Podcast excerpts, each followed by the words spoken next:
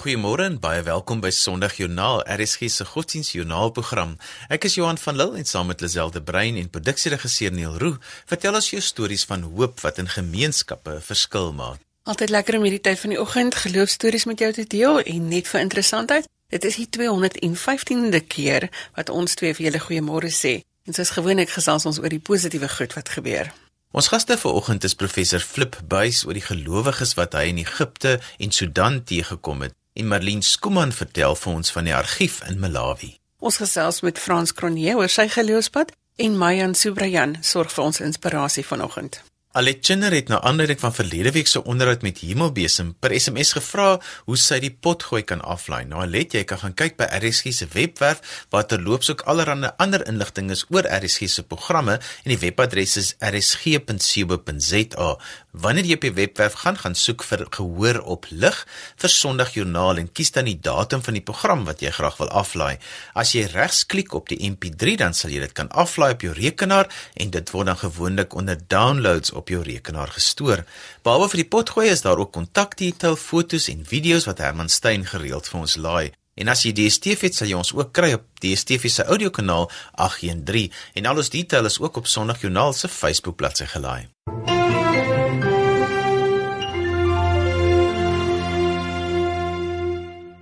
Ons gesels vanoggend met professor Flip Buys. Hy is navorsingsprofessor in misiologie by Noordwes Universiteit en het onlangs eerstehandse insig gekry in die groei van die Christelike kerk in Nigerië en Suud-Sudan ten spyte van die vervolging en te midde van oorlogsomstandighede daar. Môre professor? Goeiemôre Lisel. Professor, hoe het dit gebeur dat jy hierdie lande besoek het? Lisel, ek het op uitnodiging 'n module oor teologiese ontwikkeling, die teologie van ontwikkeling as deel van die meestersgraad kursus van die teologiese kollege by uh, van Noord-Nigerië gaan aanbied. En na die klasse is ek toe sommer direk na Juba in Suid-Sudan om daar deel te neem aan die 25-jarige jubileum feesviering van die gereformeerde kerke in Sudan. So jy het dan sommer eerstehands gesien hoe lyk dinge daar? Hoe hanteer die gelowiges en die kerke die selfmoordbomaanvalle van die radikale groepe gelowiges wat bekend staan as Boko Haram in Noord-Nigerië? In Nigerië het ek predikante in my klas gehad wat self voorheen moslems was en ander wat ook Boko Haram aanvalle eerstaans ervare oorleef het. En omdat die lesings juis gegaan het oor hoe die kerk geroepe is om te midde van konflikte, haat en geweld en armoede vol te hou om die blye boodskap van die evangelie met woord en daad te verkondig het van die studente spontaan in die klas van hulle ervarings vertel en foto's gewys ensovoorts. Een van die studente het vertel hoe hy op 'n volwasse leeftyd oortuig geraak het van die Christelike geloof. Sy vader wat 'n moslim is, wou hom toe vermoor en hy moes vir sy veiligheid ver wegvlug na 'n ander deel van die land. Na 3 jaar het van sy senior familielede sy vader oortuig om hom nie te vermoor nie en te aanvaar dat hy nou 'n Christen is. Hy kon toe sy vader ontmoet, maar in die ontmoeting het sy vader gesê: "Goed, ek sal nie langer pogings aanwend om jou te vermoor nie, maar van vandag af beskou ek jou nie langer as my seun nie en ek wil jou nooit weer sien of iets van jou weet nie." En terwyl daar trane oor sy wange loop, sê hy toe vir ons in die klas: Julle wat die voorreg gehad het om in 'n Christelike huis groot te word, moet altyd die Here daarvoor dank. Dit was my ook ontroerend om toe te kon ervaar hoe een van die ander studente vir hierdie klasmaat en ook vir ander mense wat onlangs Christene geword het te bid dat hulle in hulle geloof sal volhard en God se liefde en beskerming sal ervaar. Is dit sodat gelowiges ook daar in sulke moeilike omstandighede hulle geloof meer intens beleef? Wat vir my baie mooi was om te sien en te hoor was hoe hartlik die 600 plus studente by die college elke dag in 'n godsdienstoefening in hulle kapel op die kampus bekende Christelike liedere sing en dat hulle elke laaste Vrydag aand van die maand ook 'n gebedsbyeenkoms op die kampus reël wat dikwels aanhou tot diep in die nag. 'n aangrypende verhaal wat ek ook gehoor het is dat een student deur Boko Haram terroriste gekaap is. Hulle wou hom onthoof en hulle het hom vasgehou en iemand gestuur om 'n panga te gaan haal. Maar toe kom daar skielik 'n man aan met 'n militêre offisiersuniform en hy beveel hulle om om hierdie man te laat gaan. Wat hulle toe dadelik gehoorsaam het. Hy vertel dat toe hy weghardloop, het hy omgekyk om die man te bedank, maar toe is die persoon weg. Hy is oortuig dat die Here 'n engel gestuur het om hom te beskerm. En dit het by my die woorde van Toosius se beroemde Psalm 91 laat opkom. Rondom jou reis die engele voet met liggewiekte treel, kom die wandelaar tegemoet en lei hom op sy weë. Hou bied op God se bevel om aan die hulp van wilde hande en dra hom waar die reispad gaan oor ruwe rotse rande en daardie mense beleef sulke dinge. Wat ook vir my so bemoedigend was om te hoor, is dat die kerke daar groei, dat nuwe gemeentes gestig word en dat kerke baie mooi werk doen om armoede te verlig. Daar's 'n duidelike honger en 'n behoefte aan verdere teologiese opleiding. Die kerke waar ek Sondag eredienste bygewoon het en ook gepreek het, was elke keer stampvol. Hoe die situasie in Nigerië verskil van die gelowige situasie in Suid-Sudan? Ek is toe van Nigerië af die eerste week van Desember op eindnodiging vir 'n week lank na Juba in Suid-Sudan. Daar was ek die gas van die Sudanese Reformed Churches wat 'n 25-jarige bestaan gevier het. Nou die kerk het uit evangelisasieprojekte in vlugtelingkampe in Khartoum ontstaan tydens die verwoestende 20-jarige oorlog tussen Suid-Sudan en die Moslem Noord-Sudan. In 2011 het vrede aangebreek. Suid-Sudan het 'n republiek geword en almal het gedink dat die hele land nou kan begin met opbouwerk. Ag, en toe breek 'n erger verwoestende burgeroorlog in 2013 uit tussen die Dinka en die Nuer stamme. En van die Sudanese gereformeerde kerke is toe 27 mense in kruisvuur dood. Waaronder twee predikante van hulle kerkgeboue is verwoes en van alles gestroop. Van die 12 miljoen inwoners van Suid-Sudan het nou byna 4 miljoen, 'n derde van die bevolking, vlugtelinge geword in ander lande of in Suid-Sudan self. En boerderybedrywighede moes gestaak word. En mense, veral kinders, sterf letterlik van honger en allerlei siektes as gevolg van wanvoeding. Ek het daar God skreiende armoede, trauma, dood en angs in Suid-Sudan gesien. Maar ek was bly dat ek iets kon doen om hulle te bemoedig, want tog groei die gereformeerde kerke daar al moet hulle nou op plekke openlik dienste hou en in vlugtelingkampe evangelisasie doen en nuwe gemeentes stig. Dit was ook vir my 'n baie aangename verrassing toe ek Dominee Godwin Alley wat voorheen as Sudanese vlugteling in Suid-Afrika by ons by die Mukanyu Teologiese College in 2011 sy BTH behaal het. Toe hy my by die lughawe kom ontmoet, hy is nou besig om 'n gemeente te stig en te bedien in 'n groot vlugtelingkamp in Jy, terwyl hy self 'n klein inkomste het as direkteur van vlugtelingaangeleenthede vir die Sudanese regering. Die tema van hulle 25-jarige feesviering wat op 'n banier en op 'n gedrukte program aangebring is, was die woorde van Jesus in Lukas 5 vers 4: Vaar uit na die diep water toe en gooi julle nette uit om te vang. En daarmee wou hulle die boodskap deurgee dat hulle ten spyte van die oorlogsomstandighede wil volhou om Jesus se opdrag te gehoorsaam om vissers van mense te wees. Die diakonale deputate vir noodtoestande van die gereformeerde kerke in Suid-Afrika kon gelukkig daarom 'n 100 000 rand vir hulle stuur om aan hulle mense baie basiese dinge soos kos en mediese middele te help voorsien en afgebreekte skole weer te herstel om kinders te kan terugkry in die skool. Maar die oorlog is nog steeds aan die gang. Om iets te kon ervaar van hoe Christelike kerke te midde van soveel lyding en vervolging nie net oorleef nie, maar selfs groei was vir my en is vir ons almal geloofsversterkend en dit inspireer ons ook tot groter toewyding in ons eie land. Professor, mens kan jouself omtrent nie hierdie omstandighede indink nie. Baie dankie dat u ver oggend hierdie besonderhede met ons gedeel het. Baie dankie Lisel. Seën vir jou en luisteraars. Lisel het gesels met professor Flip Buys oor sy besoek aan Egipte en Sudan. Goeiemôre as jy sopas ingeskakel het. Jy luister na Sondagjoernaal saam met Johan en Lisel en Neil is ons tegniese regisseur. RSG se webblad is die plek waar jy enige inligting rakende programme kan kry en die adres om te gaan opsoek op die internet is rsg.co.za. Jy kan ook gaan aansluit op ons sosiale media gemeenskap op Facebook, like ons bladsy en al ons programinligting is ook daar gelaai. Onthou, Sondagjoernaal word met 'n koppel teken geskryf as jy dit in die soek opsie intik by Facebook. Jy kan ook vir ons SMS by 45770 teen R1.50 per SMS. Annelie Maree het verlede week ge-SMS om te vra waar hulle die vlam en vonk musiek kan kry.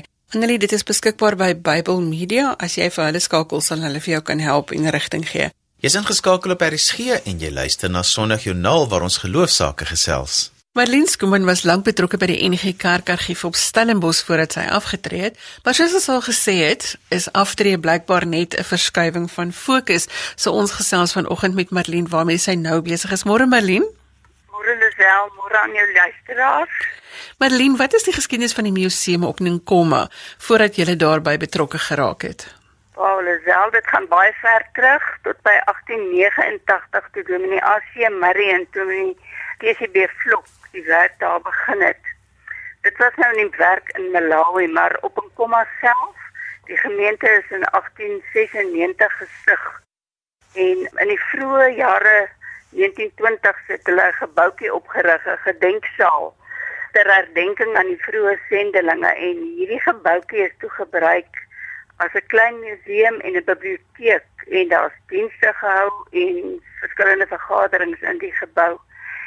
En Gedurende die beplanning van die eeufeesviering van Dienkomma gemeente in 1996 besluit hulle om die museum weer te laat herleef.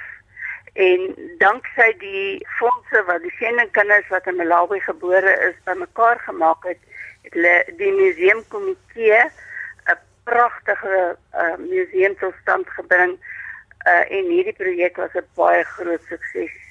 Ongelukkig het dit in onbruik later geraak nadat die kurator afgetree het. Maar wel, as ons praat van die museum, dan moet ons ook praat van die begrafplaas op Nkoma. Die begrafplaas verteenwoordig nie net 'n belangrike deel van die geskiedenis van die kerk in Malawi nie, maar ook 'n simbool van die brandende liefde en die deernis wat slegs die Here in die hart van mense aansteek en wat mense dring om uit te reik na ander. Wat beteken dit om jou eie lewe of die van jou gesinslede neer te lê? Jy lê baie van die baanbrekers sendlinge of hulle vrouens, selfs hulle kindertjies saam met enkele Malawiërs in die begrafplaas. En ehm um, die twee loop saam. Maar intussen uh, om die geskiedenis net net vinnig vorentoe te bring, het die synode van die uh, CCIP kerk in Malawi hulle visie oor die totstandkoming van 'n eie Christelik georiënteerde universiteit. Die is toe gerealiseer en die universiteit het in 2013 ontstaan met 'n studentetal van 53 en prof. Hofie Hofmeyer wat vroeër van Tikkies en Anisa was is die rektor tans. Nou hierdie gebouetjie hierdie gedenksaal is toe oorgegee deur die kerk aan die universiteit en die universiteit het besluit hulle hulle eie argief daar wil inrig. Marlene, hoe het dit gekom dat jy in 2017 hierby betrokke geraak het? Wow, ek was so bevoorreg. Ek dink jy het gesê dat ek vroeër gesê dat ek afgetree het nadat ek gewerk het by die NG Kerk se argief in Stellenbosch. En uh, terwyl ek daar was, was Prof Wolfie ook 'n gereelde besoeker aan die argief en hy het geweet van my begeerte uh en my liefde vir Malawi. Nou die navorsers wat die argief besoek het vanuit Malawi uit dit dit was kom vertel van die onbekombaarheid van dokumente en uh dit ek 'n begeerte ontwikkel om te help verseker dat die dokumente wat in die kerk self in Malawi na 1973 ontwikkel is om dit veilig te kan bewaar. Want ek glo vas dat 'n argief die voetspore van God se genadewerk in die wêreld is en in die lewens van mense in volke huisves. Ehm um, so ja, Lisel, Profofie was direk betrokke by ons betrokkeheid. Wat is dit wat jy graag by die argief wil bereik, Marlene? Prof Hoffie het ons genooi om te fokus op die totstandkoming van die Nkuni of die Nkoma Universiteitsargief en Museum. Ongelukkig kon ek glad nie met die kerklike dokumente werk nie, was vir ons onbekombaar, maar ook goed so want ons tyd was baie beperk. Uh miskien sal ons nog die geleentheid kry om die kerk se dokumente ook te gaan argiveer. Jy het gepraat van die dokumente. Wat is van die interessantste dokumente wat jy nou al by uitgekom het en wat klaar in die museum is? Van die interessantste dokumente is wat nou in ons argief bewaar word is uh twee handgeskrewe uh boeke wat opgeneem is wat deur 'n uh, vroeëre predikant Dr. Mgawi se pa geskryf is in 1932. Nou ons het dit in sy privaat versameling laat opneem. Hulle het die Bybels gehad nie en hy het fisies met sy hand die Bybel begin oorskryf soos wat hy ehm um, in sy in die klas gesit het, het hy die woord net so met sy hand oorgeskryf. Dit is een van my een van die belangrikste uh dokumente wat wat daar in die argief is. Marlene, watse ander interessante dokumente is daar nog?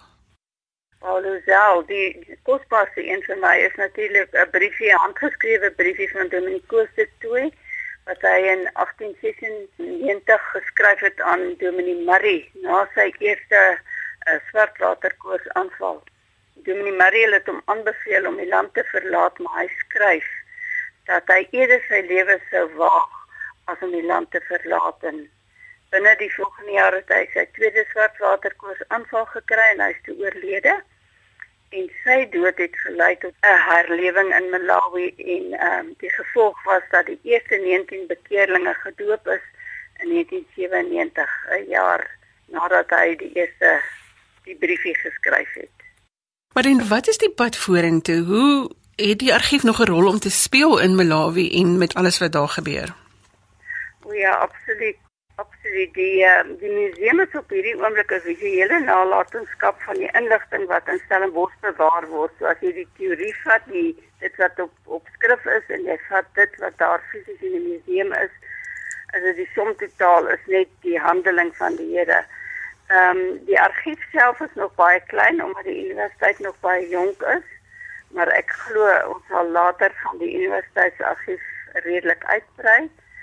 Uh Prof Hoffie het tydens sy toewydingsrede nadat ons die museum en die argief uh, redelik datum gebring het, het hy die die metafoor gebruik van 'n triespeeltjie en die rol wat dit speel. Hy het gesê die triespeeltjie gee mense 'n prentjie van wat agter lê, maar uh die vooruit van die voertuig gee vir jou 'n breë beeld van wat voor lê. Dis die toekoms En daar's nog 'n baie groot toekoms vir daai land. Ek glo die Here hou sy hand oor daai land en ek wil graag hê dat uh, die luisteraars ook saam met ons bid vir die, die kerk in daai land, vir die mense wat die aflosstokkie in die argief gekry het en vir die uh, die universiteit self dat hulle daarvoor ook sal bid. Marlene sê altyd vir jou as 'n gelowige, wat het dit vir jou persoonlik beteken om met hierdie hele proses te werk? Ja, Lisel, dit was vir my uh wonderlik. Ek het die voorreg gehad om in Malawi te kon werk as onderwyseres van 1969 tot 72. Daarna het ek terug sy teruggekom Suid-Afrika toe met die bedoeling om verpleging te neem en terug te gaan en nooit teruggegaan nie want ek is toe getroud met Eno. Die Here het my hart geken. En uh, ek my bederf met hierdie besoek aan Malawi. Dit was nie 'n toeriste besoek nie, dit was 'n uh, stukkie belegging in die koninkryk en so was dit ook vir my regtig die voltooiing van 'n sirkel. Marlene, baie dankie dat jy so 'n stukkie van jou lewe wêreld met ons gedeel het. Dankie Lisel, wat 'n voorreg. Baie dankie. En so gesels Marlene Skooman en ons gaan sommer 'n passie hoor oor alles wat sy al in Malawi gedoen het. Volgende hoor ons van Frans Cronje. Frans Cronje is vervaardiger van verskeie films wat spesifiek op geloofsaake fokus en vanoggend gesels ons oor sy reis as gelowige en die verskil wat geloof in sy lewe maak. Goeiemôre Frans. Hallo Lisel. Ek wil by jou hoor om enige film te maak. Verg sekere groot mate van geloof sien dit ons nou vanoggend oor geloof praat. Hoe het jy besluit om as 'n vervaardiger by films betrokke te raak? Ja, dis regtig 'n saak van geloof gewees dink ek wat my uiteindelik daarby gebring het. ek het groot geword in 'n baie sportiewe gesin. Sport was vir ons alles en ek wou met alle mag en mening net professioneel cricket speel wat ek toe wel vir 11 jaar gedoen het, maar so 3 jaar voor my uittrede uit cricket uit het ek tot bekering gekom en ek het regtig 'n passie begin ontwikkel vir die Here en om vir mense te vertel wat se verskil het die Here in my eie lewe gemaak. En uh so toe nou ek eintlik toe nou aan die einde van my cricketloopbaan kom, moes ek toe nou besluit maak maar wie is ek? Het, ek het regtig letterlik een oggend wakker geword en my passie vir cricket was weg. En dit het 'n bietjie van 'n probleem vir my gewees, want wie is ek dan nou? En op die in die daaropvolgende 2, 3 jaar moes ek vir myself toe nou uitwerk presies wie ek is.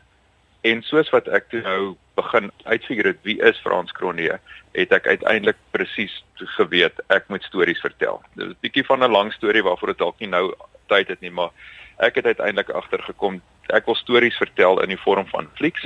Die geloof wat daarmee saamgaan is natuurlik, toe ek nou 'n opgeleide fisioterapeut in my agtergrond is ek het cricket gespeel, geen agtergrond in film gehad nie, maar ek het gevoel dis is waar die Here my wil hê, ek het gevoel dis my lewensdoel en ek het baie ernstig gemaak om uit te vind wat is my lewensdoel dalk en uh, met daai geloof daarin dat my lewensdoel is fliek maak en dan sal ek dit kan doen het ek toe nou maar op die 1 Junie 2002 my eie maatskappy begin en van daar af flieks gemaak wat ek nou nog doen. Frans, hoe kom spesifiek films met geloof as tema? Ek dink dit is omdat my oorweegrede om stories te vertel nie noodwendig is as gevolg van 'n passie vir die filmindustrie of 'n passie om geld te maak of om mense te vermaak nie. My passie is regtig gemeenskapstransformasie, is om en nie in die politieke sin van die woord nie. Ek praat van om gemeenskappe te help om beter te funksioneer en daarbey bedoel ek nou maar reg rondom die wêreld. Ek wil graag as ek eendag nie meer hier is nie, wil ek graag kan terugkyk en sê ek het dan die wêreld beter gelos as toe ek hier opgedaag het. En vir my is 'n groot deel van die verandering wat in my eie lewe plaasgevind het, het plaasgevind in Junie 1996 toe die Here my lewe verander het. En hy het my so drasties verander dat ek het agtergekom dat ek kan regtig nie mense inspireer of motiveer sonder om iets van die Here daarbey in te sluit nie. Nou ek sal altyd graag wil dink dat my flieks is nie prekerig nie. Ehm um, ek probeer nie mense oor die kop slaan met die Bybel nie. Ek probeer veral soos Five Like Potato is die fliek van Hansie ook Bonte wat ons gemaak het. Ek dink dit is flieke wat ons net die waarheid oorgee en so reël as moontlik as dit in die, in daai flieks het mense partykeer gevloek, partykeer gedrink, allerlei goed gedoen soos wat dit gebeur. Ehm um, en dit probeer om net reël deur te gee want ek dink daarin lê die inspirasie. Van nou, jou vrou wat 'n rol speel geloof in jou lewe, jy het nou vir ons vertel van toe jy tot bekering gekom het, maar dit is belangrik dat 'n mens in die gewone lewe waarin ons is, vir mense wys hoe ons ons geloof uitleef. Ja, absoluut. Ek ek dink veral in die laaste jaar, ek is nou 50 jaar oud, maar ek dink ek was nog nooit soveel ehm um, ge-challenge om net absoluut my lewe authentically te lewe nie. Jammer, ek is 'n bietjie moeilik op die Afrikaans, maar ek ek is om te probeer om te wees wie ek is oral waar ek is. En daarmee dink ek moet ons Christene wees wat net normaal optree. Dit en ek dink glad nie Christen wees beteken om in die kerk te sit nie. Ek dink jy is die teenoorgestelde. Ek dink Christen wees beteken ek moet 'n Christen oral wees.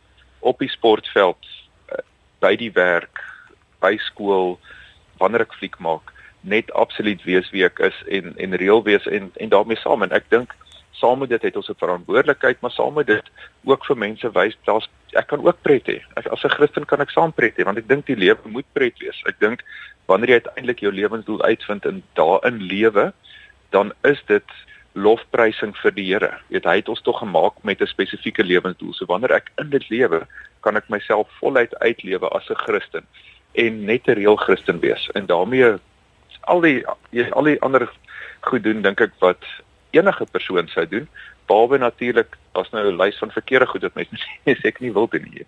Mens wil nie noodwendig hê dat dit net gelowiges moet wees wat na die films kom kyk nie. Jy wil dit juist met 'n breër visie maak sodat almal na die na die film kan kyk. Absoluut en dit is vir my besonder belangrik van my groot ondersteuners in die Kaap byvoorbeeld is moslems. Um, ons het toe ons ons vorige fliek in Durban gewys het, was daar 'n hele paar hindoes wat na die fliek gekyk het en dit baie geniet het heelwat van my vriende is ateëste. Hulle geniet ook die flieks. En ek dink dit is juist omdat ons probeer om die fliek net reël voor te gee en ook ons ons maak nie flieks en probeer vir mense sê julle is verkeerd en ons is reg nie.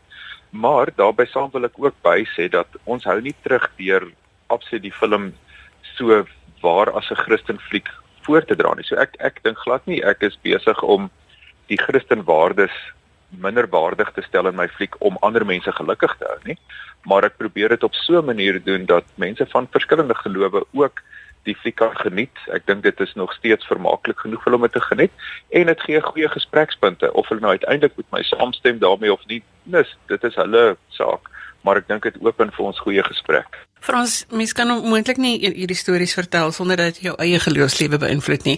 So wat beteken dit vir jou in jou eie geloofslewe om hierdie stories te vertel? Ja, ongelooflik baie elke film wat mens maak is 'n wonderwerk op sy eie. Daar's soveel dinge wat kan verkeerd gaan in 'n fliek. jy werk met soveel mense, soveel geld. Dit vat soveel jare om 'n film klaar te maak van begin tot einde. Dat dit hou jou nederig, dit hou jou op jou knieë, dit hou jou gebedslewe aktief.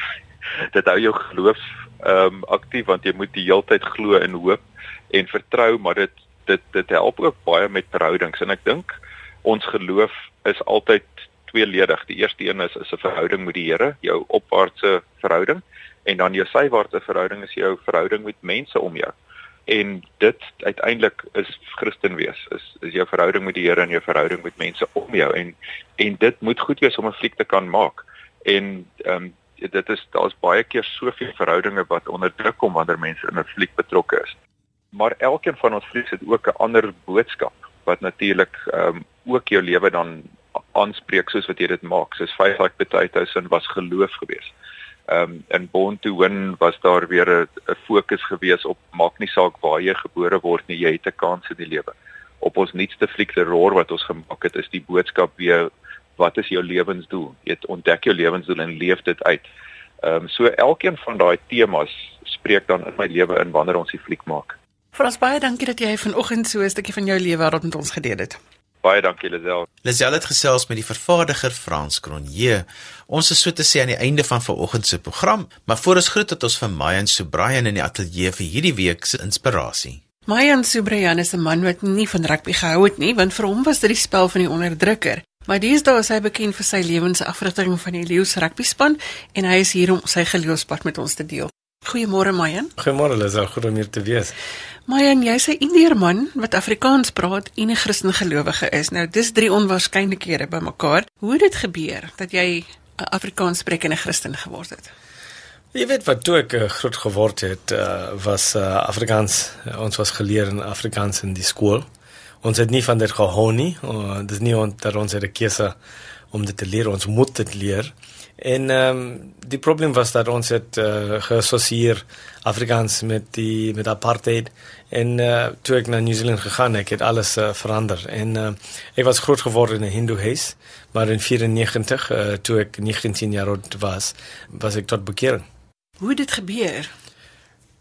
Ek was uh, 19 jaar oud en ehm um, vir my ek het soveel vrae en ek soek vir antwoorde en ek ek kon dit nie in my geloof uh, vind nie. So die godsdienst wat ek het gedoen met hindoeïsme, ons het baie uh, godsdienst gedoen. Ons het baie uh, tradisionele rituele gedoen. Uh, hierdie gebed doen en daai gebed doen en wat het gebeur Lisel was dat dit het nie sin gemaak nie.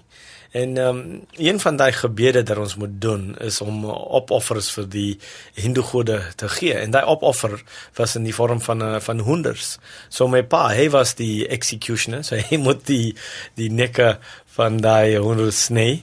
En ehm um, ek sien hoeveel uh, bloed is al rond en uh, daar is soveel gemors en en ek, ek vra vir my ma, ek sê vir my ma, ma, hoekom doen ons hierdie gebed?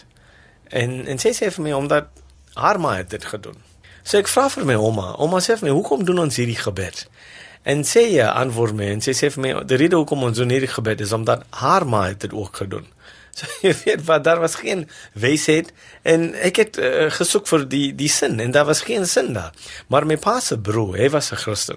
En ek het hom gevra, "Om sê vir my, hoekom doen Christen mense nie opoffers vir die die Here nie?" Omdat ek het gelees in die Ou Testament dat die die Jode dit gedoen. So wat hy doen Lisel was hy, hy het soveel wysheid uh, gehad dat hy antwoord my nie met sy eie woorde nie, maar hy maak op die Bybel. Hy maak op na Johannes 3:16. En ons almal, ek weet jou luisteraars sal ook sê, ja, ek ken Johannes 3:16 en en daai woorde van Johannes 3:16 was die begin van my wedergebore pad van wat dit my tot bekering gelei om te leer dat daar was 'n God wat vir my soveel liefde gehad het dat hy vir my sy enige gebore seun gestuur het dat as ek om in hom glo kan ek in die ewigheid lewe. En jy weet wat, dit vir my was dit 'n 'n openbaring om te leer dat daar was 'n God wat vir my soveel liefde gehad het dat hy het gesterf op die kruis en sy bloed vir my uh, gegee om my sonder skoon te was omdat jy moet weet hoeveel gode is daar in hindoeïsme daar is 3.3 miljoen gode ja dis reg miljoen gode en op daai oomblik toe my oom vir my gelees het Johannes 3:16 vir die eerste keer in my lewe ek leer van 'n 'n God wat vir my gesterf het En nie een van my 3.3 miljoen gode het vir my gesterf het, vir my sy bloed gegee het. En op daai oomblik, ek ek ek was wedergebore en uh, die wysheid van die Here het my hart gebly. Jy het drie woorde wat jy gebruik as jou grondbeginsels. Wat is hierdie drie woorde? Wat dis die drie woorde uh, wat ek het gebeur toe ek met die Lions uh, rugby span uh, begin om die lewensafrigting te doen in 2013 uh, toe hulle uit van super rugby was. En daai drie woorde is deel van my getuienis. Toe ek na New Zealand gegaan het en my besigheid verloor en die mense wat my besigheid gekoop het het my nie betaal nie. So ek is nou in New Zealand geen geld besigheid verloor ek en my vrou. En op daai oomblik ek was in 'n plek van verwerping. En uh, meeste van uh, die lesenaars kan sê ja maar ek weet ek was daar ook Wat ek het geleer is dat vanuit daai verwerping het die Here vir my 'n rigting gegee. En daai rigting vir my was om die keuse te maak om rugby te hou en Afrikaans te hou. En en vir my was dit onmoontlik omdat jy het in die begin van die onderhoud gesê dat ek het uh, rugby gehad, maar ek het ook Afrikaans gehad. Omdat vir ons was dit ook tekens van die van die uh, apartheid era. En op daai oomblik leer ek, ek leer dat uh, dis nie waar nie. Uh die dosent van die kursus wat ek het begin in New Zealand het vir my uh, gevra om 'n groete te bring in my moedertaal en ek sê vir my ek praat nie enige Indiër taal nie ek praat net uh, Engels. Hy sê nee maar ek weet jy praat Afrikaans. En ek sê ja maar ons het net Afrikaans binne die skool gepraat, nie buite nie. En hy sê hoekom? En ek antwoord en ek sê nou Afrikaans is 'n taal van groot boosheid. En hy los dit nie daar nie. Hy vat die Bybel en hy maak op en hy lees die vers wat sê elke knie sal buig en elke tong getuig. En dan vra hy my, "Mayen, hoe kan jy vir my nou sê dat daar is boosheid in 'n taal?" En onmiddellik daai oogklappe, die skille wat oor my oë was, het afgeval. En vir die eerste keer in my lewe in 2001, ek bring daai groete in Afrikaans met vrede en vreugde in my hart. En Lisel, watter sport dink jy speel hulle in New Zealand waar hulle godsdiens is rugby? Ja, rugby. En vir die eerste keer ek ek gooi 'n rugbybal ook. En wie het gedink dat op my pad sal die Here dit so gemaak het dat ek is groot pelle met voormalige All Blacks. En nie enige All Blacks nie, maar wedergebore beroemde All Blacks. Mense soos Michael Jones, All Black van die century, Inga the Winger Tuigamala, Bull Allen, Ronnie Clark, DJ Forbes, Charles Pietau en al hierdie All Blacks. Hulle wil van my leer van die Bybel. Kan jy ons help met ons toesprake? En ek sê ja, ek sal julle help met die toesprake, maar julle moet vir my rugby leer. So ek het van die All Blacks rugby geleer. Nie die springbok manier om die bal weg te skop nie, maar die korrekte manier om rugby te speel. Jy het ons groot probleme veroorsaak hier. So ons het nou gepraat oor verwerping wat toe nou vir jou rigting gegee het. En toe kom jy terug Suid-Afrika toe. Ja, en van daai plek uh, daai drie woorde is nie uh, voltooi nie. Ek het net twee van daai woorde gebruik. Verwerping, rigting en dan opstanding.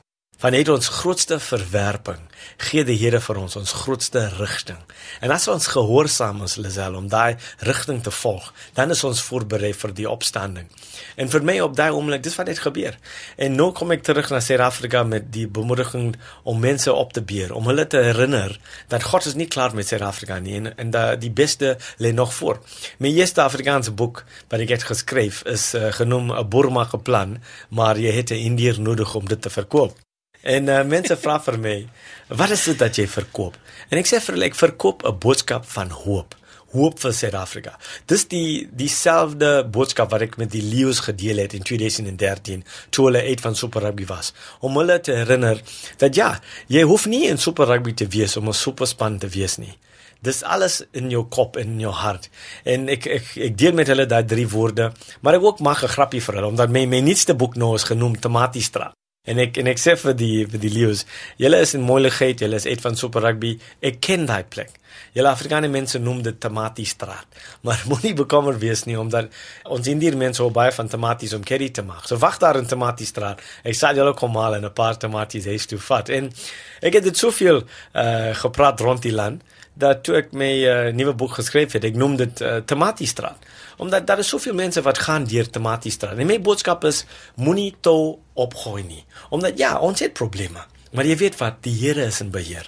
En die vers wat ek het gebruik, wat is die fundament van die boodskap van Tomatiestraat, is Romeine 8:28. Waar Paulus sê vir ons, hy sê ons kan nou van een saak seker wees. Nie onseker nie, maar seker dat God gebruik elke ding wat in ons lewens gebeur om sy doel te bereik. Vir ons wat vir God liefhet, werk alles tot ons besvul uit. En Lisel, dis my boodskap vir Suid-Afrika om hulle te herinner dat jy weet wat God is in beheer. Dat hy kan al die slegte dinge vat en hy kan dit verander in iets goed vir ons lewe. Maar ons moet nie dink nie dat dis onmoontlik. Ons moet glo en ons moet die geloof hê in 'n God wat vir ons soveel liefde gehad het dat hy vir ons gesterf het en sy bloed vir ons gegee het.